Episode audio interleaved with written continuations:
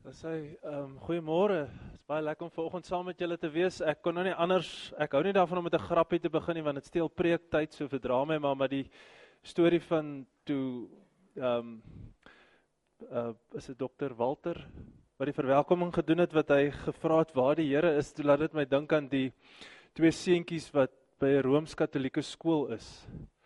En hulle is baie stout. Die enetjie se naam is Rinus en die ander enetjie se naam is Johan en hulle sukkel vreeslik met die twee seuns en die, die twee nonne besluit toe maar die beste om te doen is hulle moet nou maar kantoor toe gaan dat hulle aangepraat kan word deur die priester. En uh die priester sien toe die twee manne en hy ken hulle al oor 'n lang tyd. En hy besluit hy gaan die moeilike een buite laat sit en hy los Rinus buite en hy laat Johan eers inkom. En hy dink toe nou, hy bid toe nou vir wysheid, hoe kan hy hierdie twee stout seuns help? En uh, nou vra hy vir Johan, Johan, sê nou vir priester, waar is die Here? En Johan dink hy's maar 'n denker. Hy dink voordat hy antwoord, praat nie sommer soos Rinus uh raak goed kwyt nie en hy hy dink en, en hy en hy kan nie dink want hy dink dalk is hierdie 'n stryk vraag. Maar al wat die priester wil doen, hy wil hê Johan moet sê Ek dink hy's in my hart en dan gaan hy vir hom sê, nou as hy in jou hart is, moet jy nie so stout wees nie, want hy's oral waar jy stout is, want hy's oral. Jy kan nie so stout wees nie. Maar hy antwoord hom nie en die priester raak al hoe driftiger, hy skree al hoe harder, maar waar is die Here? En, en hy dink en hy hy's so bang hy sê verkeerd en hy sê Johan sê vir my waar is die Here en hy raak al hoe kwaader en hy jaag hom later uit by sy kantoor En teen die tyd sit Rinus buite, hy die driftige geskreeure aan die binnekant gehoor en sy oë is net so groot. En hy sê: "Wat?" Johan sê vir Rinus: "Rinus, ons is in groot moeilikheid. Hierdie mense het die Here verloor. Hulle dink ons het iets daarmee te doen."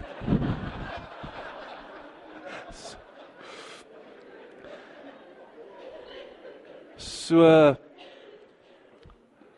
Dis lekker om ver oggend saam met julle te wees. So voorreg. Dankie vir die uitnodiging Rinus dat ek vandag hier kan wees. Ehm um, my ek maak verskoning vir my vrou, haar naam is Anet. Ons is so 28 jaar getroud. 28 jaar van vreugde en blydskap. Ehm um, Maar ek is bly sy's nie hier nie want sy is maar een van die grootste kritikuste as dit kom by my werk en dit wat ek doen. Sy het maar drie maniere wat sy altyd sê as ek vir haar gevra het hoe was die preek. Die eerste een is dit was oukei. Okay. Die tweede een is dit was nie een van jou beste nie. En die derde een is moet dit nie weer preek nie. So ek gaan nou iets preek wat ek van tevore gepreek het wat sy gesê het ek nie weer moet preek nie en dit um, baie dankie. Dit is lekker om hier te wees. Ook lekker om saam met Marius en Marie te wees. Ek was 'n student in hulle gemeente. Ek en Anet, ek dink sy sou julle verskriklik graag wou sien, maar sy is met die kinderkerk betrokke. So as daar enigiets goeds uit vanoggend uitkom is dit omdat hulle my mooi geleer het. As daar enigiets slegs uit vanoggend kom is dit omdat ek nie opgelet het in die klas toe ek by hulle was nie. Um, Julle is besig om te praat oor verhoudings. As ek dit reg het, sit hierdie ding iewers aan. OK, goed. Ehm um, en ek het sommer gedink om so van 'n ander hoek af te kom want altyd as ons aan verhoudings dink, dink ons aan die drie primêre verhoudings wat ons baie keer in die Bybel optel. Jou verhouding met jouself, jou verhouding met jou medemens en jou verhouding met God. En dis gewoonlik waaroor ons praat en hoe hierdie verhoudings uitspeel in ons lewens. Maar ek wil vandag so 'n bietjie praat oor ons verhouding met hulle. Hulle. Dat ons is lief om te praat van 'n ons en die oomblik as ons van 'n ons begin praat, dan impliseer ons wat? Daar's 'n hulle. En die hulle is nie ons nie. En ek wil op die ou ende hê dat ons daarby uitkom om ver oggend bietjie te dink as ons oor verhoudings praat, spesifiek wat is ons verhouding met hulle en wie is hulle? Jy weet, Jesus het op 'n stadium kritiek gekry van die kerkleiers omdat hy tyd met hulle spandeer het. As jy in Lukas 15 die eerste versie begin, so hy sê die tollenaars en die sondaars het die gewoonte gehad om na Jesus te kom luister. Hy het 'n verhouding met die hulle gehad wat nie was soos die kerkmense van daai tyd nie. Hulle het gehou om na hom te luister. En dan sê net die volgende versie: Hieroor was die Fariseërs en skrifgeleerdes nie gelukkig nie. Hulle het nie daarvan gehou nie. Hulle het nie daarvan gehou dat Jesus van die ons af weg beweeg en 'n nuwe sirkeltjie maak met hulle nie. Hou dit in die agtergrond. Nou in die begin van hierdie jaar, dit was Maart maand gewees, het 'n duiker met die naam van Rainer Schimpf die voorblad van verskeie koerante gehaal. Hy het in Port Elizabeth geswem en hy was besig om die sardienloop af te neem met sy kamera. En die volgende oomblik ehm um, het 'n walvis hom gegryp. En uh as jy nou mooi na daai foto kyk, dan sal jy sien hier agter dit so mooi blink is hou die blinkkant bo van hom en dan steek sy parapote uit. So die walvis het hom hierdie gedeelte van hom op was binne in die walvis se mond gewees en die res het uitgehang. Nou na ruk het die walvis hom uitgespoeg en hulle sê toe hy opkom, was sy eerste vraag vir sy vriend wat in die boot was is: "Het jy dit op kamera vasgelê?" En hy het en ek sien Sky News skryf die volgende. Hy sê he almost became the modern day version of Jonah. Want jy sien as ons aan Jonah dink, dink ons onwillekeurig aan Jonah en die vis, nie walvis nie. Die Bybel sê net 'n vis, 'n groot vis. Interessant, die boek Jonah gebruik die woord groot baie keer. En hy sê 'n groot vis het hom ingesluk. Dit dis waarby ons vassak. As ons aan Jonah dink, dink ons altyd aan Jonah en die vis. En die interessante van as mense aan Jonah en die vis dink, is baie mense begin dan sê maar, "Sjoe, hoe is dit moontlik dat 'n groot vis iemand kan insluk? Hoe is dit moontlik dat hy vir 3 dae in hierdie vis se maag kan bly? Hoe is dit moontlik dat hierdie vis hom uitspoeg en hy gaan net aan met sy lewe?" En ons hak vas in hierdie vraag en ons vra altyd mos vir onsself ons ons sulke moeilike tekste lees wat vir ons is dit die waarheid en dan glo ons dit is die waarheid want ons God kan enige ding doen nie waar nie maar kan ek vir jou iets sê deur heeltyd die vraag te vra is dit die waarheid mis ons die groter vraag wat ons eintlik moet vra wat is die waarheid wat ek en jy moet hoor Baie keer lees ons 'n teks en ons hak vas by is dit die waarheid? Hoe werk dit wetenskaplik? Hoe sou mense in vandag se wêreld, jy weet, hoe kan dit gebeur? En ons ons probeer daai goeie reg of verkeerd bewys. Terwyl ons die eintlik die groter vraag mis en daai vraag is wat is die waarheid wat ek en jy moet hoor as ons die boek Jona lees? Nou seker die mees ongeskikte maar tog eerlikste en ding wat die waarheidste praat in jou huis is wat? Daai spieël. Hy jok nie. Die skaal ook nie. Maar spesifiek die spieël. Veral as jy byvoorbeeld by die winkels gaan ietsie aanpas, Hulle het mos glad nie vleiende beligting daar in die winkels nie. En dis sulke groot spieëls wat tot in jou ore kan inwys wat daar aangaan. En so aan die einde van 'n winter as jy bietjie kleur verloor het en so bietjie isolasie opgebou het, bietjie haalskade bygesit het, dan is daai spieël nie vleiend nie. Maar weet jy wat, as ek aan die boek Jona dink, dan sien ek ook 'n spieël en as ek hom lees en ek vra vir myself, wat is die waarheid wat ek in hierdie boek moet hoor? dan is dit 'n spieelrefleksie wat ek baie keer nie van hou nie. Dan sien ek ons hulle refleksie. En ek wil net hê ons moet ver oggend net rustig deur die boek Jona gaan en kyk wat dit is wat hy vir ons sê oor die ons hulle tipe verhouding. Onthou, wat is die waarheid wat ek moet hoor? Want deur te glo dat daar 'n groot vis was wat hom ingesluk het en 3 dae later uitgespoeg het, dis baie goed. Ons glo dit. Maar kan ek dit vir jou sê? Die waarskynlikheid dat 'n groot vis jou gaan insluk en vir 3 dae in sy maag hou en dan gaan uitspoeg is minder as 0,01%. Ons moet daarom kans daarvoor gee. Dis minder as dit. Maar hier's die waarheid. Die feit dat God soms na jou toe gaan kom met 'n opdrag wat groter is as jy, wat meer van jou vra as wat jy op daai stadium bereid is om te gee, wat jou bang gaan maak en wat jou uit jou gemaksone uit gaan haal as jy jou verhouding met hom ernstig opneem, is die kanse 100%. En dis die storie van Jona.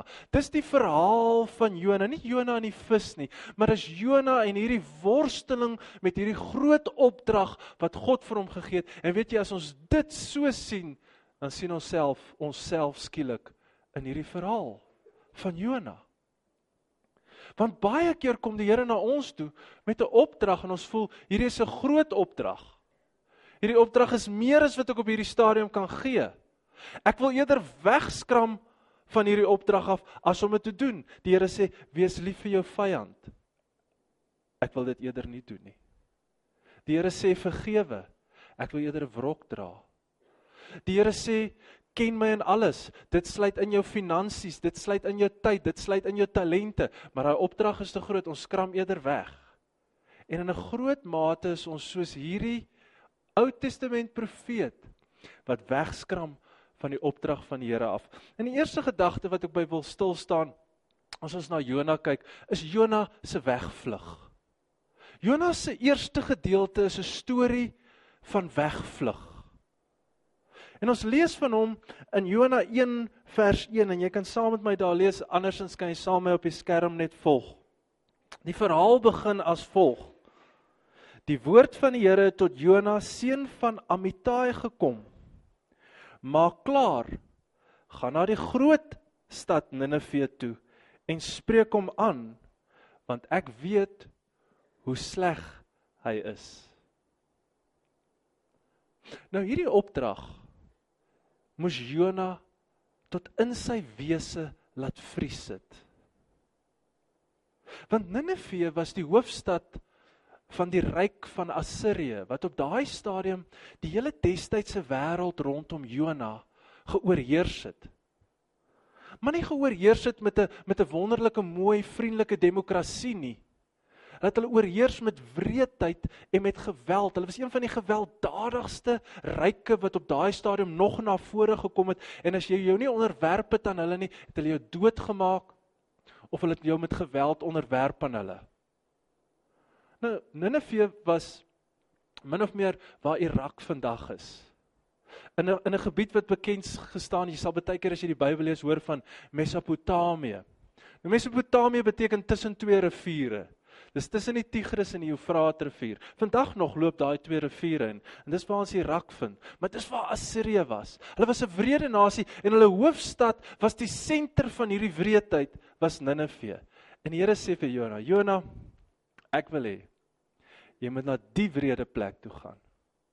En jy moet vir die mense sê hulle doen verkeerd. En ek gaan hulle stad verwoes as hulle nie 'n omeswaai in hulle gedrag gaan hê nie. Dis amper soos om in 1939 vir 'n Joodse rabbi te vra om met 'n Dawids vlag of 'n Sion ster vlag in Berlyn te gaan staan en vir Hitler en die nasies te sê dit wat julle doen is verkeerd. Kan jy sien die omvang van hierdie opdrag? Kan jy daarom verstaan hoekom Jona eerder wil wegvlug? En die interessante is, hy vlug in die teenoorgestelde rigting as waarheen hy moet gaan. Hy moet oor land trek, bietjie meer noord gaan. Hy vlieg sommer so hy vlug suidwes oor see. So ver as moontlik weg van hierdie opdrag af. My vraag vir jou is, vlug jy nie ook soms weg van hierdie opdrag wat die Here vir jou gee nie? En sien jy nie ook maar van jouself in dit nie? Hy kom by jou en hy sê doen dit. Ek verwag dit van jou. Maar ons sê nee. Ons vlug eerder weg. Dis te veel gevra van my. Interessant, die Bybel sê Jona klim op 'n skei na Tarsis toe. Hy gaan af Joppe toe, daar betaal hy en hy klim op 'n skei na Tarsis toe. Nou ek het altyd gewonder waar Tarsis is. Dit lyk my nie dis dieselfde Tarsis as wat ons lees van Paulus nie. Dis 'n ander Tarsis iewers in die Middellandse See. Maar tog as jy deur die Ou Testament lees, dan tel jy op 'n paar plekke wat verwys word na die stad Tarsus. En ek het vir julle drie verse daar opgesit. Uh, Esegiel 27. Hy sê Tarsus het vir jou handel gedryf want jy het baie te verruil gehad. Hulle het jou handelsware verruil vir silwer, yster, tin en lood. Tarsus skepe het jou goedere op handelstogte vervoer. Jy het ryk geword en baie mag gekry op die diep see. Dan sê hy nog iets. Hy sê silwerbeslag kom uit Tarsus, praat Jeremia. En Jesaja sê heil bemanningslede van die skepe wat op pad is Tarsus toe, want die stad waar waarvan jy afhanklik was, is verwoes. Uit dit en so 'n bietjie van die geskiedenis kan mense aflei dat Tarsus moes hierdie Ethiopië gewees het waar mense kon gaan ryk word. Hierdie utopia waar jy kon gaan oorbegin. Waar jy 'n nuwe lewe vir jouself kan begin, waar niemand jou gaan ken nie en jy dalk so 'n bietjie geld kan maak in die proses ook. En daar was 'n plek van handel dryf. En gewonder Jonah klim op hierdie Tarse skip om weg te kom van hierdie opdrag af. My vraag vir môre aan jou is: Hoe lyk jou Tarse skip? Waarop jy klim om weg te kom van daai opdrag van die Here in jou lewe. Ons almal het een of ander vorm van 'n Tarse skip waarop ons klim. Ons weet wat ons moet doen. Ons weet wat God van ons vra. Ons weet wat God van ons verwag. Maar daar's hierdie Tarse skip wat ons altyd gebruik om weg te kom. Maar ons sê daai plek waar ek kan oor begin, daai plek waar ek net kan nie hoor nie. 'n Plek waar ek kan ongehoorsaam wees, maar tog okay voel daarmee. Miskien is dit jou werk waarin jy jou begrawe. Miskien is dit een of ander stokperdjie wat jy doen vir sport wat jy beoefen wat soveel van jou tyd opneem, maar is vir hierdie ontsnapping weg van 'n sekere realiteit af. Dalk is dit 'n ongesonde verhouding waarin jy jouself al hoe meer begewe. En jy weet ek moenie my in hierdie verhouding inbegewe nie, maar dit word soos 'n tarse skip wat jy ontsnap en wegkom. Dalk is dit 'n verslawende gewoonte wat jy weet jy moet breek, wat jou lewe beperk, wat jou ongehoorsaam hou. Maar jy's op hierdie tarse skip weg. En dan sien ons, almal van ons ken die verhaal van Jonah, dan kom daar 'n storm op die see op. En die interessante van hierdie storm, hierdie storm was as gevolg van sy wegvlug.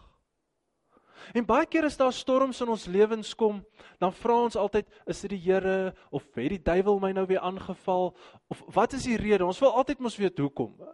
Wanneer ons deur 'n moeilike tyd gaan, hoekom? Maar baie keer is storms wat in ons lewens kom as gevolg van ons eie ongehoorsaamheid.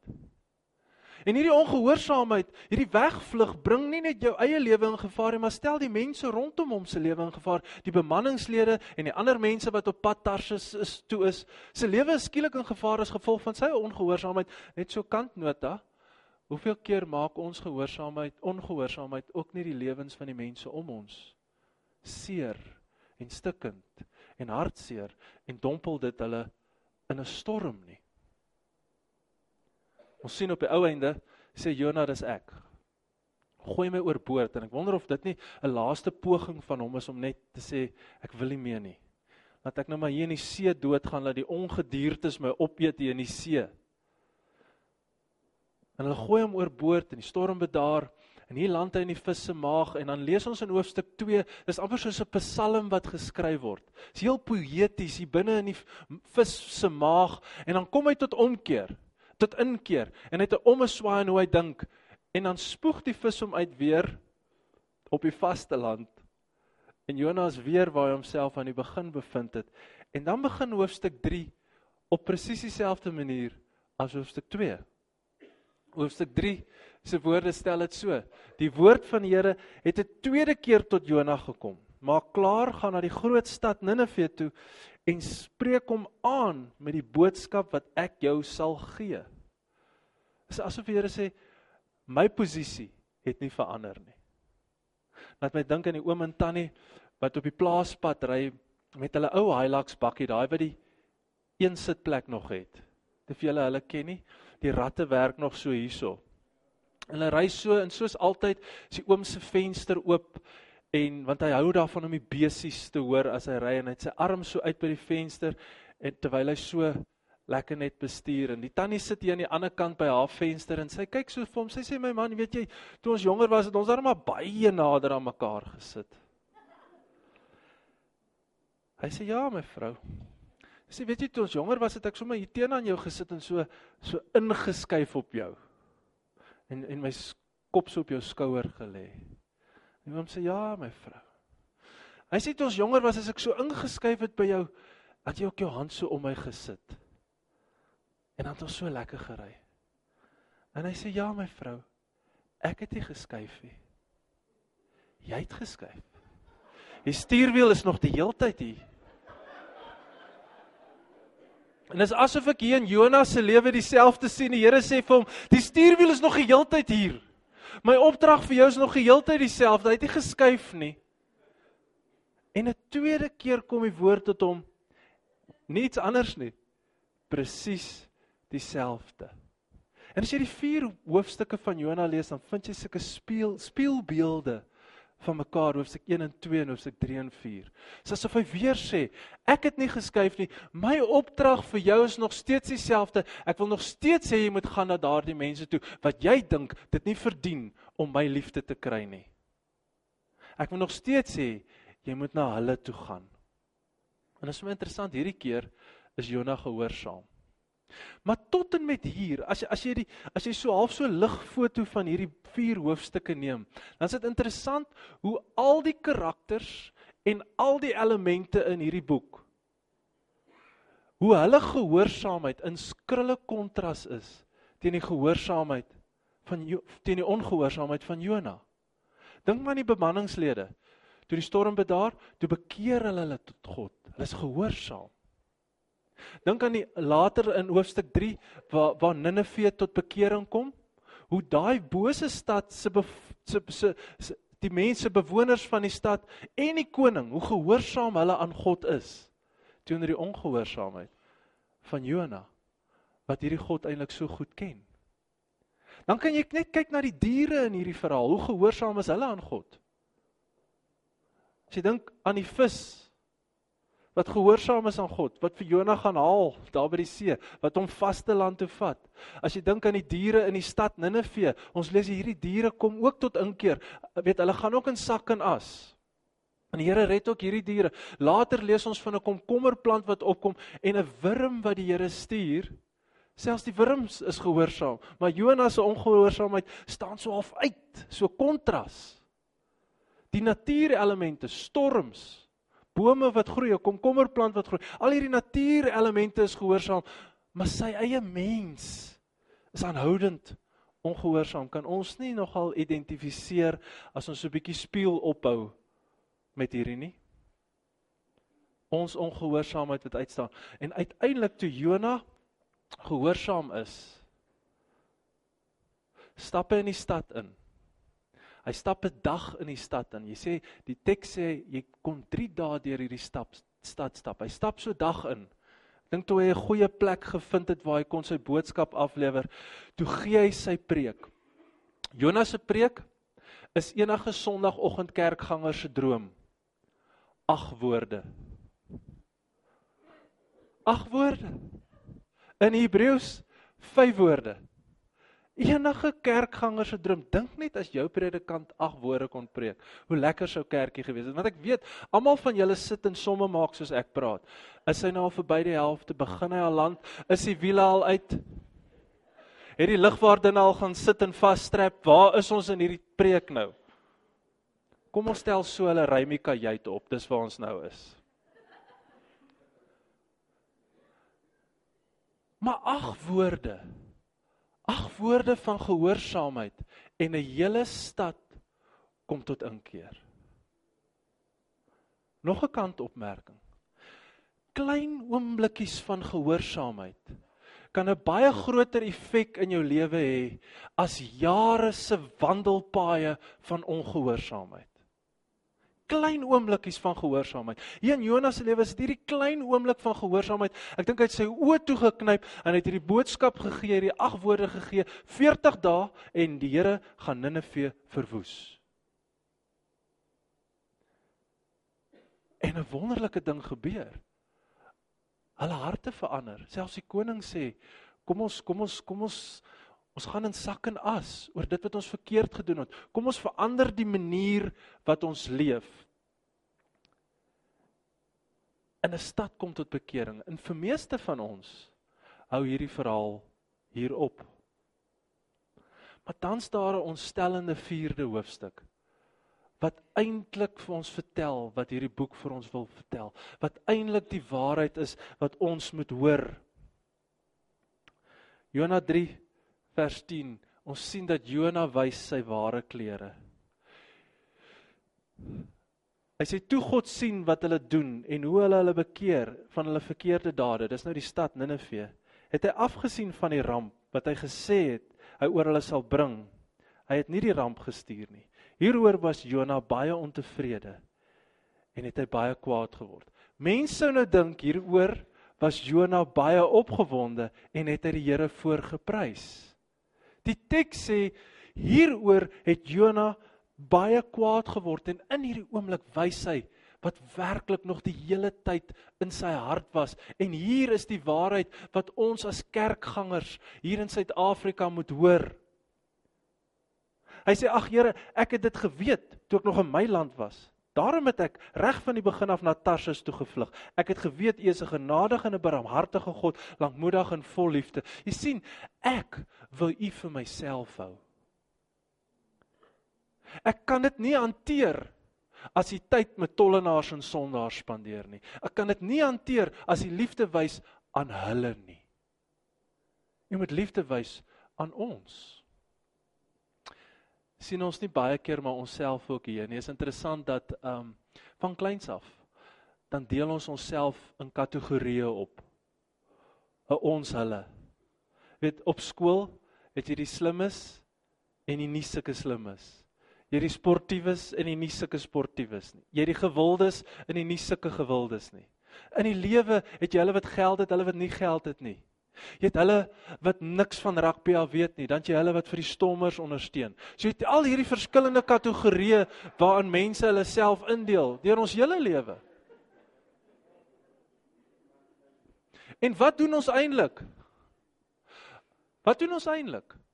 Ons is besig om te sê ons is in en julle is uit. En by by enige sosialisering het die mens hierdie geneigtheid om uit te vind hoe lyk in wees in. Anderswoorde is dit 'n manier van aantrek, is dit 'n manier van praat, is dit 'n huis waarin ek bly, is dit 'n tipe kar wat ek ry, is dit 'n tipe bankbalans wat ek het? Jy hoor wat ek sê, is dit die prestasies wat ek rondom my naam sit of die prestasies van my kinders? Hoe lyk in? En dan gaan kyk ons hoe lyk in en dan probeer ons alles in ons vermoë om in te wees. En sodra ons in is, wat doen ons? Ons hou die ander uit want ons is nou in en ons raak eksklusief. Ons begin van 'n ons hulle te praat. Ons ken die Here, hy's die leier van ons lewe. Hulle ken hom nie. Hulle is sondaars. Woord wat ons lief is om te gebruik, sondaars. Ons praat die regte taal. Ons is die regte ras. Hulle praat die verkeerde taal hulle is die verkeerde ras. Jy weet, dis mos nou nie ons dam se gaanse nie, sal ons sê. Van wanneer af is jy 'n gaans anyway? My seksuele oortuiging is reg en daai insin is verkeerd, daarom moet ek hom haat. Daarom moet ek nie liefde aan hom bewys nie en daarom moet ek kwaad wees as God vir hom liefhet. Daai persoon se godsdienst en hoe hy die Here aanbid, hy praat van 'n Allah, hy sê hy's 'n moslim. Ek moet hom dus nie lief hê nie want hulle almal is gewelddadig, hulle almal is ekstreem en as God aan hulle liefde bewys, dan raak ek kwaad. Kyk sien wat ons doen. En aan die hartseer is deur al die jare het die kerk die Bybel gebruik om die onderdrukking van rasse, volke en geslagte te regverdig. Ons het 'n teks gevind om dit te regverdig en ons het gepraat van ons en hulle. Jy sien, dis nou hier waar die preekie lekker raak nie. Nee. Dis hier wat ons nou 'n tarse skip soek en wil weggaan. Want ek ons hou van die ons. Ons is dan so gelukkig saam. Ons groet mekaar. Ons is lief vir mekaar. Dis lekker om mekaar te sien. Maar wat van hulle? Wat van hulle? Weet antieke beskawings het altyd hierdie gewoonte gehad om vir hulle self te identifiseer in terme van hulle volk of hulle ras en dan het hulle 'n god gevind, een of ander afgod wat hulle kon beskerm en hulle kon dien. So dan gaan kies hulle nou vir hulle god. So hulle sien hierdie buurnasie lyk na 'n goeie nasie. So kom ons begin hulle god te aanbid. Of sy naam nou Moloch is of of sy naam nou Baal is of dit dalk die songod Ra is, ons aanbid hulle. Dis wat antieke beskawings gedoen het. Maar as jy sien die god van die Bybel, hy's anders. Hy word nie gekies nie. Hy kies 'n volk. En dan sê hy vir hierdie volk, julle gaan nie eksklusief wees nie. Aan die begin openbaar hy sy plan. Toe hy met Abraham praat, sê hy Abraham, ek gaan jou seën sodat al die ander volke in jou geseën kan wees. En dan lei hy hulle mos daai uit Egipte uit en hy sluit met hulle ooreenkoms, 'n kontrak. Die Bybelwoord is 'n verbond. En dan sê hy vir hulle as julle hierdie kontrak nakom, gaan ek julle baie geseënd maak en mense gaan na julle kyk en sê ons wil jou God ook dien. Maar al hoe meer het Israel hierdie verkeerd verstaan. Hulle het gesien dis 'n God net vir ons en nie 'n God vir hulle nie. En dit is die teologie van Jona waarmee hy groot geword het. En dis hoekom hy so gesukkel het net soos wat ons ook sukkel. Hy's nie boos nie, hy's nie sleg nie. Hy openbaar maar net wat in ons almal se harte aan die gang is, 'n tipe ons hulle houding. Sion gemeente, ek dink die Here het julle in hierdie stad, ag in hierdie dorp gesit om 'n groot verskil te maak. Julle kan al reeds sien die seën wat die Here op hierdie gemeente uitgegiet het die afgelope tyd. Maar dis omdat julle nie moet vasgevang wees in ons hulle nie. Daar's baie hulles daar buite wat nog moet inkom. Die plek is alreeds te klein en hy gaan nog te klein word as ons elkeen net kan sien dat daar's 'n hulle daar buite vir wie God baie baie liefhet. Ons sit die vliegtyg se se, se wiele uit. Ek gaan land. Um Jona is ongelukkig. Hy gaan sit buite die stad, arms gevou om te kyk, miskien. Want jy sien, ek ken hulle. Hulle gaan sommer nou weer terug na hulle ou manier van doen. En dan gaan die Here, weet hy, ek dink Jonas sien hoe pakkie wolke saam en hoe kom die weerligstrale en hoe gaan God hierdie stad verwoes. Maar dan gebeur dit nie. Dan lees ons begin daar ooste wind waai. Die van julle wat ooit in Namibië was, weet wat ooswind beteken. Begin 'n ooste wind waai. En dit raak warm, die son skroei hom. En uit die bloute kom daar 'n komkommerplant op. Wat hom beskerm. En hy sit in die koelte en die volgende dag kom 'n wurm en hy eet hierdie komkommerplantjie op. En hieroor is Jona weer kwaad. Weer ongelukkig. En dan sluit hierdie boek af met 'n vraag. En dit is vir my snaaks, hy hy gee nie die antwoord op hierdie vraag nie. Dis asof hy ons laat hang in die lug hierdie boek.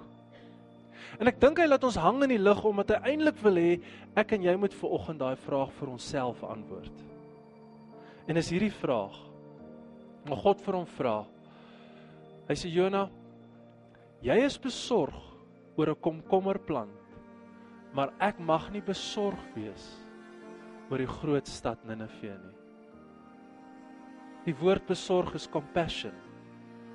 Ek mag nie compassion hê. Jy jy het compassion oor 'n plant wat jy nie eers voor gewerk het nie, wat net opgekom het. En ek mag nie compassion hê oor mense wat verlore gaan nie. En en wie hoe sou ek hierdie boek se einde sien, dis asof die Here vir ons sê: Soms is ons besorgdheid nie op die plek waar sy besorgdheid is nie. En die dingetjies waaroor ons so besorg is, is so ver verwyderd van waar hy oor besorg is. Ons is besorg oor ons voorkoms. Hy's besorg oor mense wat verlore gaan. Ons is besorg oor ons status. Hy's besorg oor mense wat hom nie ken nie. Ons is besorg oor wat ander van ons dink en of ons gemaklik is. En hoekom het ons dan nou minder as daai en hoekom daai en meer as ek? Jy weet daai besorgdhede. Ons het komkommer plant besorgdhede in ons lewe terwyl hy sê hier's my agenda. Hoe ver is jou agenda van my agenda af? En as ek julle vanmôre los met hierdie vraag raak in 'n besorgdheid wil ek jy as lid van hierdie gemeente wat die Here geroep het. Sion was nog altyd 'n plek van hoogte. Baie mense sal stroom. En as ek jou los met dit wil ek vir jou vra, net om vir jouself te vra en selfondersoek vanoggend te doen. Hoe ver is jou agenda van God se agenda? Vir alles wat kom, met ons verhouding met hulle. En ek glo wanneer elkeen van ons anders gaan begin kyk na daai persoon wat saam met ons werk, anders gaan begin kyk na daai persoon wat saam met ons langs die rugbyveld staan as ons kind speel of by die netbal of by die hokkie staan. Daai ouer by die skool, daai werkskollega, daai baas, daai werknemer. Daai familielid, daai mense in ons lewens, daai persoon wat jou help by Spar, daai persoon wat jou help in 'n restaurant. Wanneer ons elkeen gaan sien, maar ons moet besorg wees oor hierdie mense net soos wat God besorg is oor ons glo ek gaan ons regtig ons doel hier in Parys as gemeente bereik. En dis my gebed vir môre vir julle. Kom ons bid saam.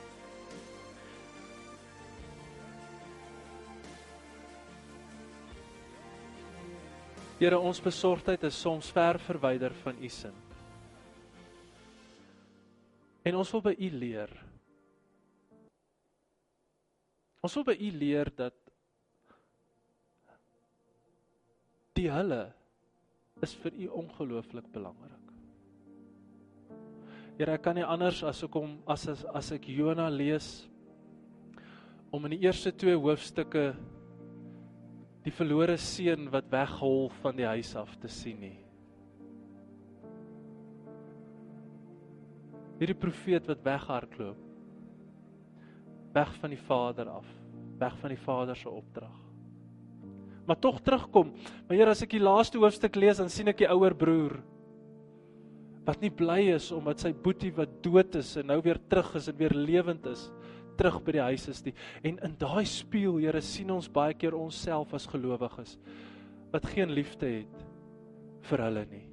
Help ons daarmee. My gebed is Here dat hierdie gemeente ongelooflik baie sal seën en hierdie leierskap sal seën dat die hulle wat daar buite is die liefde van ons hemelse Vader sal ontdek.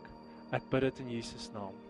Bid nou vir genade van ons Here Jesus Christus en die liefde van God die Vader en die gemeenskap van die Heilige Gees oor ons almal. Amen.